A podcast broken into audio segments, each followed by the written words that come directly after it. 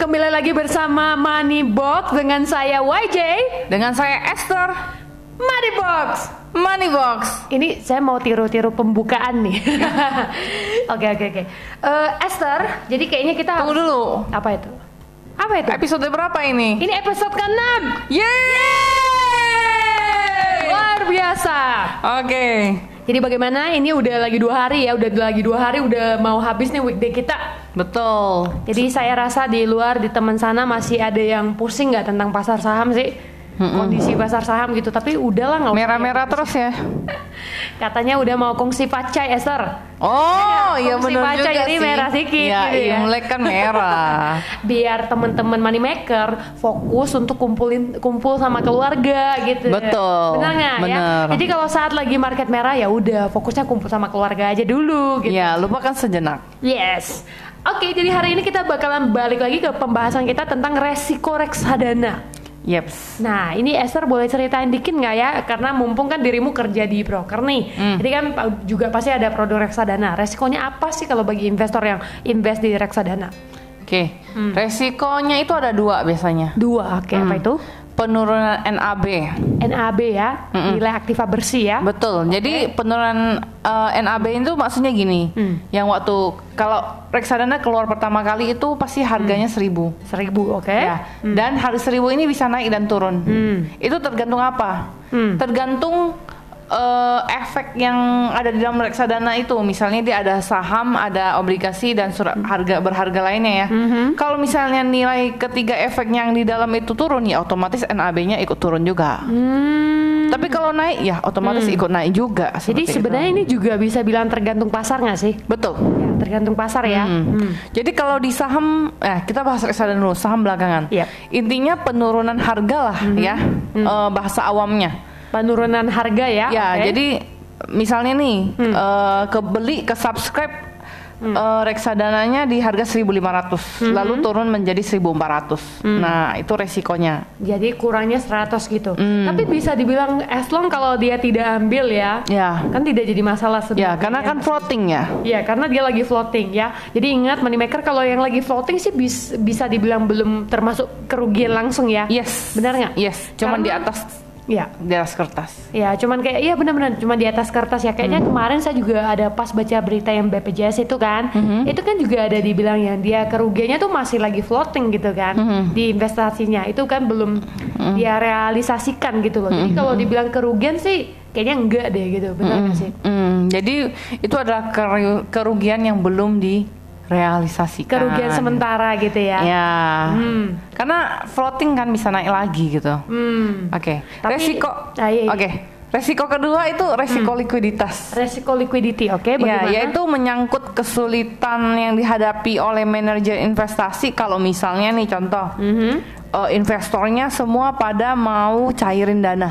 pas hari itu atau momen itu mau cairin dananya semua. Iya dan banyak sekali gitu loh saking Mm-hmm. banyaknya itu si MI-nya eh, si manajer investasinya tidak bisa apa kesulitan untuk menyediakan uang tunai gitu. Wow, iyalah kalau hari itu semuanya pada mau tarik duit di bank ibaratnya ya juga nggak bisa dong, benar nggak? Jadi kan Iya. kayak harus ada stepnya kan, ada yang setor, ada yang tarik gitu loh, benar nggak sih? Mm-hmm. Hmm. Mm-mm, Benar-benar. Tapi kan ini ini juga cuman sementara lah kalau yang ligu- liquidity ini ya, karena nggak mungkin juga pas ada momen tiba-tiba. Tapi nggak tahu juga sih ya namanya kalau pangsa pasar market ini Ya, ya. jadi pasar market adalah nggak ada yang tahu sih. adalah kejadian. Jadi mungkin biar money makers tahu juga ya Mm-hmm. bahwa ya resiko terbesarnya itu dananya tidak kembali karena eh, likuiditasnya itu Hmm. gitu. Oke. Oke. Jadi, Tapi kembali lagi ya money maker ya, tetap ya di investasi itu juga ada resikonya ya. Ya. Ya itu intinya ada resiko. Jadi kalau bilang yang paling aman sih eh ya paling aman tidak paling aman tidak ada resiko ya tidak ada pe- perkembangan itu intinya seperti Ya. itu sih. Hmm. Kata orang simpen eh m- sorry bahkan simpen uang di bawah bantal aja resiko Iya, nanti kalau pencuri datang, digigit tikus. bantalnya dicuci.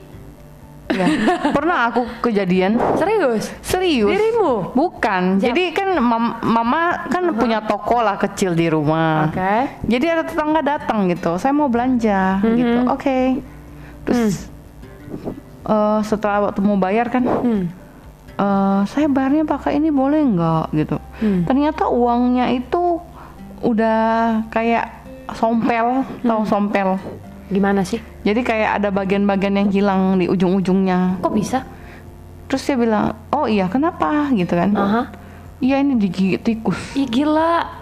Jadi bener simpel di bantal gitu. Ya di bawah ranjang atau di bawah kasur lah nggak ngerti deh uangnya disimpan di mana. Jadi digerogotin tikus bayangin. Jadi bilang aman nggak? Belum tentu. Tidak ada penjahat. Eh amit-amit sih ya. Tidak ada perampok datang pun bisa digigit tikus gitu loh. Iya benar benar. Mm-mm. Kejadian lucu sih itu kayak itu. kalau itu ya tidak ya mau bagaimana ya. Makanya kalau teman-teman money maker sana ya simpan duit sih kita bilang ya cari tempat yang nyaman bagi money maker ya. Ya. Yang simpannya kalau Aman. yang aman lah ya, yang nur money maker yang aman yang bisa terlihat di mana aja gitulah. Mhm. Oke. Jadi untuk topiknya di mana bisa beli reksadana ini ya. Nah, Mhm. ini kalau misalnya teman-teman ada yang trading di broker saham, itu pasti juga ada beberapa broker yang menyediakan jasa reksadana Mhm. ya. Udah bisa beli di broker juga gitu loh. Mhm. Atau enggak yang paling gampang bisa di e-commerce ya enggak? Ya betul. Nah, e-commerce-nya kayak tau lah Tokopedia. Tokopedia. eh, Tokopedia. Kita tidak di iklan ya. BTS BTS. Oh ya. Oke, dan juga bisa di Bukalapak ya Iya. atau enggak yang tadi kemarin saya pernah jelasin juga bisa di Bibit gitu ya. Mm-mm. Saya pribadi belinya di Bibit gitu. Mm.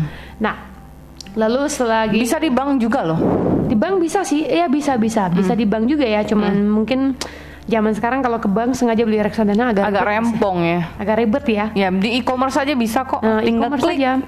Hmm, kalau teman-teman money maker sana udah berani belanja online, ya benar nggak? Coba dipikirin deh. Hmm. Setiap kali teman-teman belanja baju, dompet, Iya, tas, iya. ikat pinggang, sepatu nih buat cowok-cowok. Hmm. Setiap kali beli 200.000 ribu sepatu harganya 200.000 ribu wajib subscribe reksadana 200.000 ribu keren nggak tuh Iya, Iya kan? Ah, baru adil dong. Hmm, jadi jangan cuma belanja doang gitu loh ya. Ya. Jadi teman-teman belanja memang dapat barangnya gitu kan, tapi barangnya kan tidak bisa berkembang. Ya, Ya nggak? dibuang. Ah, barangnya tidak bisa berkeng- berkembang. Kayak lama-lama pemakainya depresiasi. Ya. Hmm. Alias nanti habis menghilang gitu. Tapi kalau taruh di reksadana nih, ya lama-lama dia berkembang gitu Hmm. dari satu jadi dua gitu.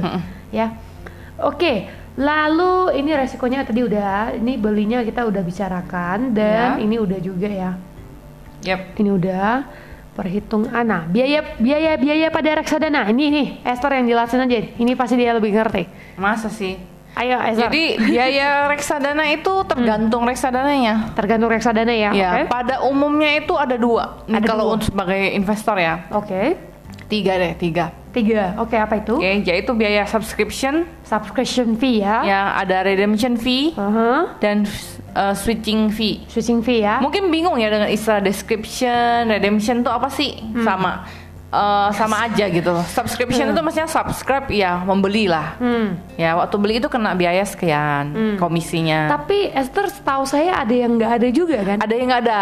Jadi setiap kali kita mau beli reksadana Hmm. itu jangan lupa baca-baca informasi di informasinya dalamnya ya. itu. Itu termasuk biayanya. Hmm, bener bener bener. Jadi kayak kadang kita kalau saya sebelum beli reksadana itu saya biasa kayak cek subscription fee-nya berapa, dia punya redemption-nya fee- fee-nya berapa gitu ya. Karena juga ada beberapa reksadana luar sana itu tidak ada fee, oke? Tidak ada fee gitu ya. Jadi teman-teman bisa melakukan perbandingan ya, perbandingan sendiri ya. Yang fee apa sih kelebihannya, yang tidak ada fee apa sih kelebihannya gitu loh. Mungkin yang ada fee ratenya lebih tinggi gitu ya. Hmm. Itu kan eh, kayak dia punya ya siapa tahu lah ya pasti ada kelebihan Ya kekurangan sama dong masing-masing. kayak kalau kita jualan namanya orang jualan ya. Aha. Jualan tempat diskon. Diskon nggak usah bayar. Hmm. Diskon 5%. Diskon nggak usah biaya kayak beli rumah juga eh gratis biaya AJB gitu ya. Kayak gitu loh maksud saya. Oh banding pula sama properti ya? Ya, maksudnya gitu. Selalu kalau ma- namanya marketing tuh selalu ada yang diskon-diskon gitu loh. Bebas biaya, bebas biaya gitu. Intinya pilihan terbaik aja bagi money maker ya. Pilih Yes. yang terbaik yang menurut uh, money maker nyaman gitu ya. Hmm. Yang mana yang cocok, oke? Nah ini perhitungan nggak usah pusing lagi aja. Yang penting Hmm. kita biasa lebih ke cara memilih reksadana ya. Kalau saya pribadi, saya memilih reksadana. Hmm. Saya selalu pilih returnnya yang paling tinggi di tahun Oke. itu. Dan saya pilih expense ratio-nya atau pengeluaran untuk saya bayar biaya manajer investasinya yang paling rendah. Hmm.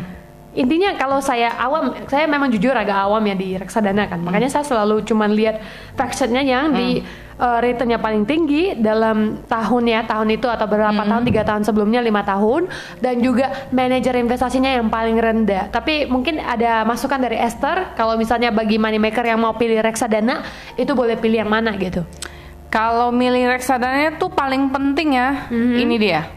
Pertama kita harus pilih manajer investasi yang track recordnya bagus. yang bagus jadi contoh Ya. yang bagus itu kayak bagaimana gitu Ya kita lihatlah histori dia pernah fail nggak nggak nggak bisa bayar yang kayak kayak tadi Hmm. kan ah, termasuk ada resiko yang Iya, iya, eh, iya. likuiditas itu kan. Iya. Jadi itu kita harus lihat flashback perusahaannya seberapa besar ya nggak. Hmm, ya, ya, Pernah ada kasus kayak gitu nggak gitu. Kalau nggak ya aman. Oke next Hmm. reksadananya dong. Namanya kita mau cuan kan. Iya benar benar. Ya pasti kita cari yang kinerjanya positif. Iya. ya kan. Tapi balik lagi kalau kinerja positif tapi eh, manajer investasinya jelek gitu, tiba-tiba mau cairan nggak bisa cair, Hmm. ya kan. Hmm. Jadi yang paling utama harus ya manajer investasinya pilih dengan yang benar dulu ya. Hmm. Baru cari yang kinerjanya positif. Tapi yang kinerja pi- positif pun kita harus ini dong Hmm. sesuaiin dengan namanya produk investasi nggak mungkin nggak ada resiko jadi disesuaiin high risk pasti ada Hmm. high, High return. return. Hmm. kayak gitu ya maksudnya gimana ini high eh, apa sih returnnya tinggi nih berarti siap-siap juga eh, harus bersabar menunggu ketika misalnya eh, investasinya jadi merah Iya jujur loh. minus Saya punya investasi di reksadana kayak bulan-bulan kemarin tuh ya returnnya lumayan satu persen gitu ya kita belum dicairin kan namanya kita untuk long term gitu ya ini beberapa hari ini baru saya lihat gitu kan wala udah udah jadi minus gitu loh tapi ya nggak masalah ya teman-teman karena namanya kita di investasi itu pasti ada fluktuasinya ya floatingnya gitu loh kadang ada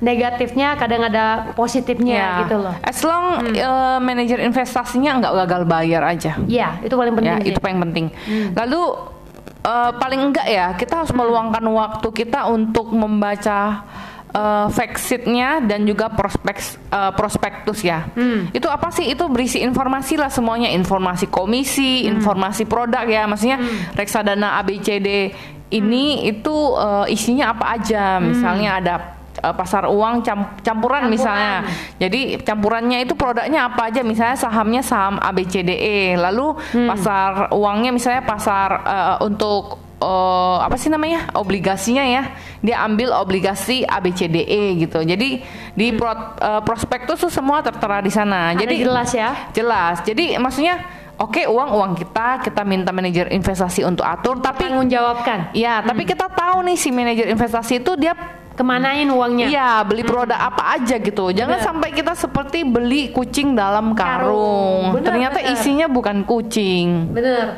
jadi kayak kita karena ini uang kita bener Esther Hmm. Bener. bilangnya ini uang kita jadi kita harus tahu uang kita itu disalurkan kemana Hmm. ya jangan kayak kalau oh ya gua ada investasi nih investasinya di sini gitu ya eh di Hmm. mana beli produk apa eh nggak tahu ikut-ikut aja sih dengar berita si ini bilang ini ya ikut dengar berita si B bilang ini ya ikut nggak boleh gitu ya karena Hmm. kembali lagi ini uang kita sendiri mind your own money benar nggak Yes. Yes, ya. Dan kalaupun misalnya kayak teman-teman money maker percayakan sama manajer investasi, ya. Jadi teman-teman juga meluangkan waktu sedikit untuk pelajari apa yang manajer investasi beli produk tersebut gitu. Ya.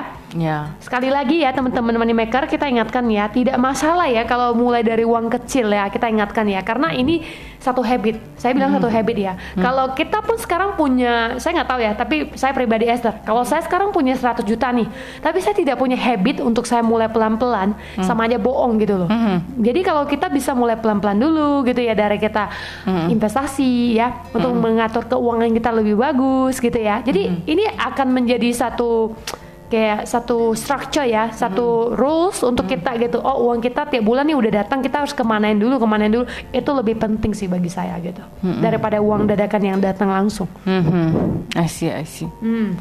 Dan yang paling terakhir mungkin itu dibandingin aja. Hmm. Bandingin reksadananya ya. Ya, sama yang produk lain. Maksudnya Hmm. eh, mungkin misalnya sama-sama reksadana Hmm. campuran. Tapi dari MI yang berbeda misalnya atau dari dari manajer investasi yang sama tapi eh, misalnya kinerjanya agak beda tentunya kita pilih yang terbaik gitu aja Hmm. sih. Luangkan waktu aja untuk coba baca-baca ya. Itu Ya. fun fact sheet-nya nggak lama kok, cuma palingan 2-3 menit Dan gitu ya. mungkin ini ya tips ya. Iya. Kalau sebagai pemula itu bagusnya wait and see dulu nggak apa-apa. Iya. Sambil lihat-lihat, sambil baca-baca, sambil cari-cari tahu. Hmm. Jangan langsung greedy lihat teman untung banyak, uh buru-buru masuk gitu loh. Bener, karena kita nggak tahu loh teman anda yang untung banyaknya itu ya di belakangnya itu berapa luka yang dia udah kena, bener nggak sih? Iya Iya, kan? betul. Iya. Nggak ada yang tahu loh gitu loh ya. Ya ini jadi teman mungkin teman anda udah kayak berlatih berapa tahun gitu ya, makanya sekarang punya hasil ini gitu. Jadi kalau yang bagi, bagi money maker yang di luar sana masih awam, ya jangan ada kayak rasa eh kok dia udah baru mulai bisa, tapi mungkin anda nggak tahu di luar sana dia udah benar-benar belajar mati-matian, Iya. bener nggak sih? Yes. Eh. Tapi ya mulailah dengan cari tahu sebanyak-banyaknya. Yes. Setelah sudah cukup agak tahu baru go. Think and Learn eh, gimana sih si Napoleon Hill punya buku aku lupa Nggak tahu. Think and Learn Grow Rich antalah ya, intinya seperti itulah jadi intinya di investasi ingatkan lagi ya never lose money Teng. Yes, never lose money. Money box, we make money. We Ya. Yes. don't lose money. lose eh jangan lose money ya itu lose money bener-bener nggak Yeah. bagus ya di money box kita bilang feng shui nggak bagus Oh gitu. Oke, jadi mungkin sekian dulu untuk kita punya topik reksadana ya. Kayaknya udah clear ini nih, Esther. Jadi mungkin next week kita bakalan bawa topik baru lagi karena Yes. reksadana udah full gitu ya. Ya, betul. Oke, so sampai sini dulu kita punya pembicaraan hari ini, podcast hari ini. Saya YJ. Saya Esther. Sampai jumpa lagi di next time. Next week? time. Next week. Next week. Oke, bye-bye. Bye. Bye.